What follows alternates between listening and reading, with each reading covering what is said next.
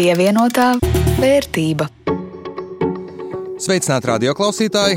Klāta jaunā nedēļa, pirmdiena un līdz ar to arī raidījums pievienotā vērtība. Ar jums kopā Jānis Ramāns un Rudīts Pakausks no Latvijas televīzijas. Ekonomikas pasaulē gluži kā te jau ikvienā jomā šobrīd par vīrusiem runā vairāk nekā par tik ierastajiem terminiem kā peļņu, produktivitāti, pārdošanu, darba spēka problēmām. Neviens vien uzņēmuma vadītājs un darbinieks noteikti jau ir padomājis, ko viņš iesāktu sliktāk sliktākā scenārija gadījumā, cik daudz varētu vai nevarētu, piemēram, strādāt attālināti, cilvēkus nesatiekot, un par jauniem izaicinājumiem un attālināto darbu šodien raidījumā runāsim plašāk, bet pirms tam aktualitātes. Pievienotā vērtība. Uzņēmuma jaunuma konkurences padome ir devusi zaļo gaismu kompānijai Bite, kas nopirkusi Baltkom, tā pievienojot savam pakalpojumu klāstam mājas internetu un TV kanālu pakas piedāvājumu, bet slikta ziņa no regulatoriem saņēma Jandeks. Tā kā Jandeks mobilā lietotne un interneta lapa nav reģistrēta autotransporta direkcijā, ir pieņemts lēmums vērsties pie visiem internetu nodrošinātājiem un lūgt Jandeks bloķēt. Lūk, ko Latvijas radio ziņām teica Kaspars Godiņš no autotransporta direkcijas. Viņi nedrīkst tikt izsaukti ar aplikācijas palīdzību un apmaksāt arī. Ja klasiskā veidā tiek pakalpojums sniegts, cilvēks aptur taksometru vai attiecīgi izsauc klasiskā veidā, tad tas ir iespējams, bet izmantojot tīmekļa vietni, to nedrīkst darīt. Jā, jo kopš šīs kompānijas ienākšanas Latvijā kiberdrošības eksperti te brīdināja, te ieteica būt uzmanīgiem ar Jandeks uzsverot, ka aplikācija klienta datus sūta uz serveriem Krievijā. Bet pats uzņēmums saka, ka nu jau tūlīt, tūlīt formalitātes būšot nokārtots un Jandeks taksometru izsaukšanas aplikācija atkal strādās. Bet atgriežoties pie labām ziņām, pērn, kā liecina centrālās statistikas pārvaldes dati, ir pieaugusi vidējā alga Latvijā. Pirms gada vidējā alga valstī pārsniedza 1000 eiro, šogad vidējā alga pieaugusi vēl par 72 eiro, un, ja esam pilnīgi precīzi, tad tagad tā ir 1076 eiro. Nākotnē gan tiek prognozēts, ka algas Latvijā vairs tik strauji neaugs, bet alga nav vienīgais, pēc kā cilvēki izvēlas, kurā uzņēmumā strādāt. Tā CV online veicot aptauju par iekārojamākajiem darba devējiem, jautāja cilvēkiem arī par to, kas ir svarīgi darba vietā. Lūk, kā aptaujas rezultātus skaidro Ainis Brodiņš, CV online Latvijas vadītājs. Nu, jā, protams, atalgojums ir joprojām noteicošais, bet tas, kas aizvien vairāk ir svarīgs cilvēkiem, jā, tā darba vide, lai tā darba vide būtu tāda, kurā būtu iespējams attīstīties, lai būtu vienādas iespējas visiem. Svarīgi ir, kāda ir komanda, kāds ir vadītājs. Arī jauniešiem ir īpaši ļoti svarīgi ir karjeras izaugsme, lai tā būtu ļoti strauja. Protams, jā, tas jautājums par darba devēja reputāciju, atpazīstamību arī ir pietiekoši nozīmīgs. Tas, principā, ir viens no būtiskākajiem, vairāk jau gados vecākiem cilvēkiem. Es, piemēram, zinu cilvēkus no informācijas tehnoloģiju jomas, kur šobrīd atalgojuma cipari mēdz būt visai iespaidīgi, un um, viens stāsts konkrēts - uzņēmums jau pie sevis bija pārvilinājuši spējīgu darbinieku, lielāka alga, mazākas darba stundas, um, bet šis darbinieks pie līguma parakstīšanas iedomājies pajautāt, kurā dienā jums kādus augļus uz biroju piegādā. Pēc atbildes noskaidrošanas, ka nekā tāda šajā birojā nav, viņš pateicis, Nē, paldies, palikšu vecajā darbā, jo tur katru dienu ir cita augļi, un pirmdienās man citrus augļi ļoti patīk. Hmm. Nu, manā pieredzē visbiežāk gripas laikā darba vietā parādās citronu un ingveru stējai. Bet ir dzirdēts arī par picu piekdienām, krosānu pirmdienām un vēl dažādiem veidiem, kā uzņēmumi mēģina noturēt talantīgākos un vērtīgākos darbiniekus. Nu, mūs interesē, kā ir jūsu uzņēmumā. Rakstiet un pastāstiet mums e-pastā pievienotā punkts vērtība pie Latvijas radio.lv. Bet no ziņu virsrakstiem nekur nav pazudis Covid-19. Latvijā nu jau vairāk kārt slimība atceļojusi ar turistu no Itālijas. Šobrīd vairākas avio kompānijas paziņojušas, ka pieprasījumam krītoties mazina reisu skaitu uz vīrusu skartajām teritorijām. Latvijas Nacionālā avio kompānija Air Baltica no šodienas līdz aprīļa beigām pārtrauc visus lidojumus uz un no Milānas un Veronas. Turisma nozarei smags laiks un pagaidām arī nākotnes perspektīva neieteiktu šobrīd iegādāties turisma nozares akcijas. Savukārt Britu valdība, gatavojoties koronavīrusa epidēmijai, aplēsus, ka vīrusu uzliesmojuma pīķa periodā slimot varētu līdz pat vienai piekdaļai darba spēka. Un viens no drošības ieteikumiem ir iespēja robežās strādāt no mājām, gan lai neinficētos pats, gan lai neinficētu citus. Starp citu, vai pamanījāt, ka arī es šajā raidījumā pievienojos no savām mājām, vairāku desmit kilometru attālumā? Dienu pirms ieraksta pamodos ar nejauku temperatūru, iesnām un klepu.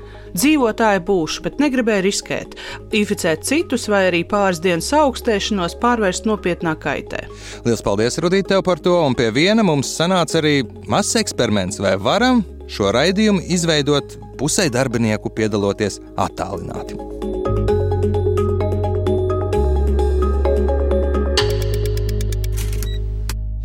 Iespējams, tieši koronavīrus piesardzības pasākumi, darba no mājām, elastīgu pieeju darbam, no īpaša bonusa ļoti strauji pārvērš par pašsaprotamu lietu darba tirgu, un kā atzīst Brodiņš no CV Online, šis process tajās darba vietās, kur attālinātu darbu tehniski var nodrošināt, jau ir sācies. Tas šobrīd es teiktu, tā, ka jau paliek no tāda ekskluzīva bonusa vai papildus labuma līdz pat tādam ierastam, jo, protams, atkarīgs no tā, kāda ir šī darba specifika. Jā, vai tur ir jābūt tam cilvēkam tiešām fiziski uz vietas, bez tā nav iztika, vai pieņemsim, ja tas ir darbs darba birojā, jā, tad uh, bieži vien jā, to pavisam noteikti var darīt no mājām, jā, tad tur nekāda problēma nav. Kāda ir ieguvuma darbiniekam un kāda darba devējam, jautāja Agatē Jākopsaunē, Svetbanka Latvijas personāla pārvaldes vadītājai. Svetbanka uz elastīgu pieeju darbam skatās daudz plašāk nekā tikai iespēju strādāt no mājām. Un tas nenozīmē, ka cilvēks ir visu dienu mājās. Tātad ar elastīgumu mēs saprotam arī ar to, ka var variēt darba sākumu un beigas, tad pielāgot viņu savam dzīves ritmam. Piemēram, ja man bērndārs sāk strādāt no astoņiem, un es nedzīvoju Rīgā, tas nozīmē, ka es darbā iespējams varu būt pusdesmitos. Bet savukārt es ilgāk pastrādāju vakarā. Darba devējiem tā ir ieguvums, kā galvenais ir apmierināts darbinieks. Es teiktu tā, jo jāsaka, ka šī iespēja variēt un meklēt šīs elastīguma, fleksibilitātes iespējas savā darbā, nu, tas ir viens no motivatoriem. Tas um, faktiski, es domāju, ka jau darba ņēmēju tajā tādā.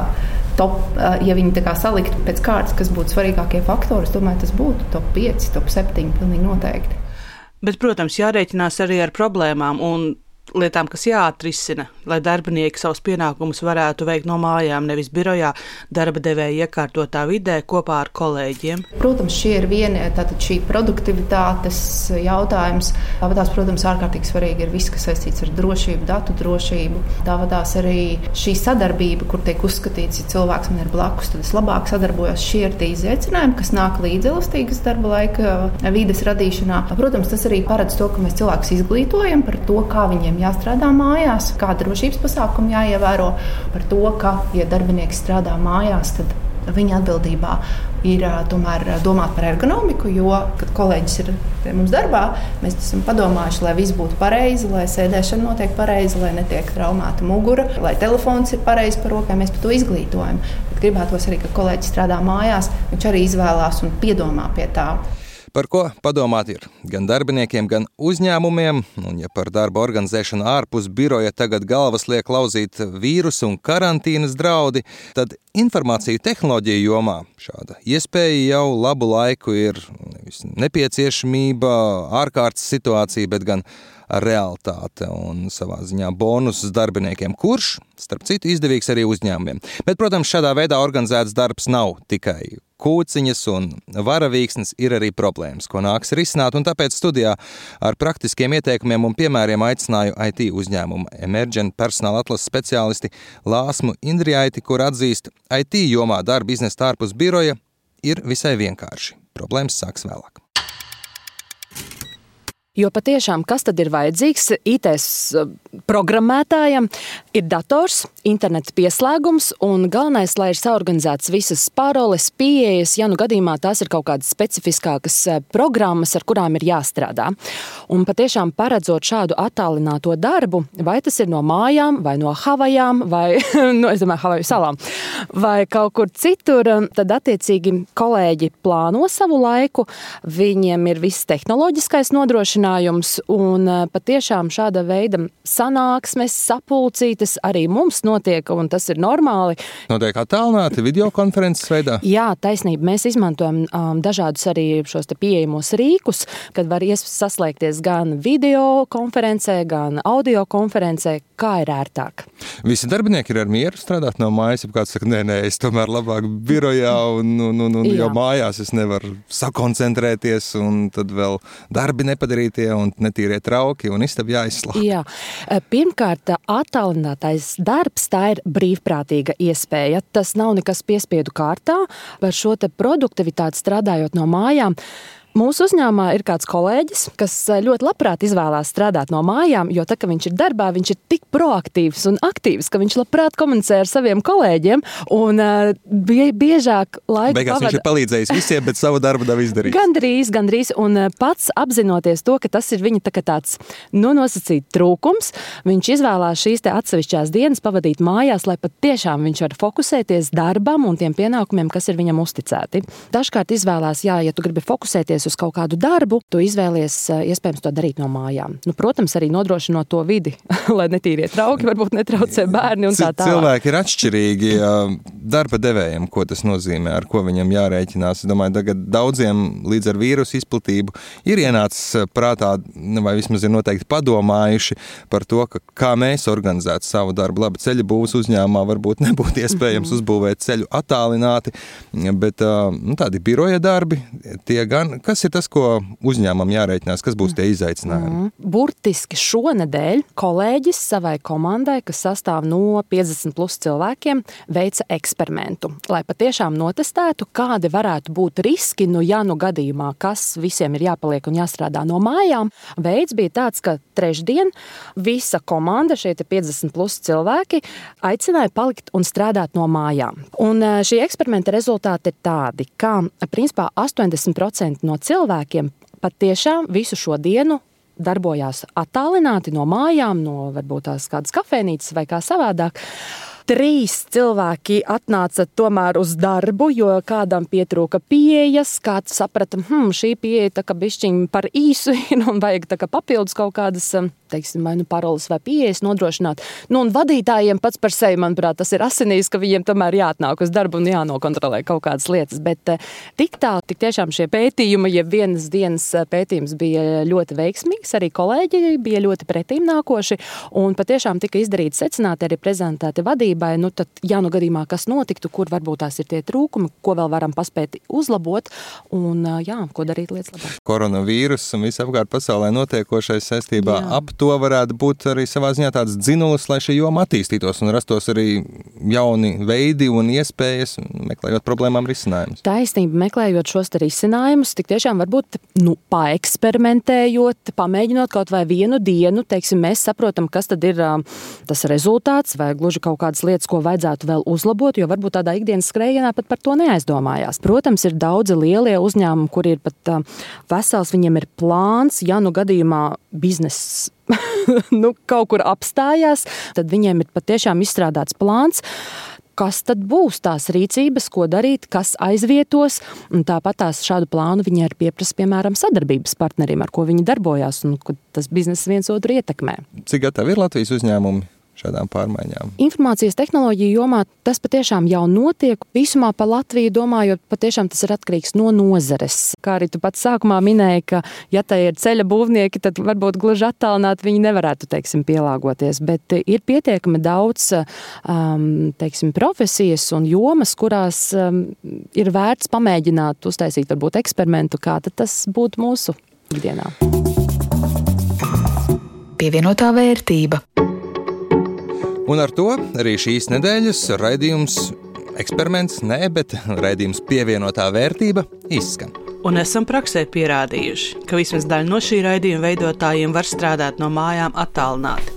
Pat ja tas nav tik vienkārši un nāks izcīnīt cīņu ar mainīkiem par klusumu. Var pusstundu paklusēt, kamēr es ierakstu, un neskriet par trepēm tā kā ziloņiem. Un es mašīnu nopauzēt. Bet jau pēc nedēļas, nezinu, no mājām vai kā savādāk, bet plānojam runāt par krīzes laika parādu atlēšanu, par ko sākusies asa diskusija. Un, ja jums arī ir ko teikt par šo tēmu, gaidīsim jūsu e-pastu uz adresi pievienotā punkts vērtība at Latvijas radio.lv. Ar jums kopā bija Rudīts Pakausks no Latvijas televīzijas. Un Jānis Ramāns. Paldies arī, protams, Renāram Šteimanim par raidījumu labskaņu. Lai jums jauka diena! Pievienotā vērtība.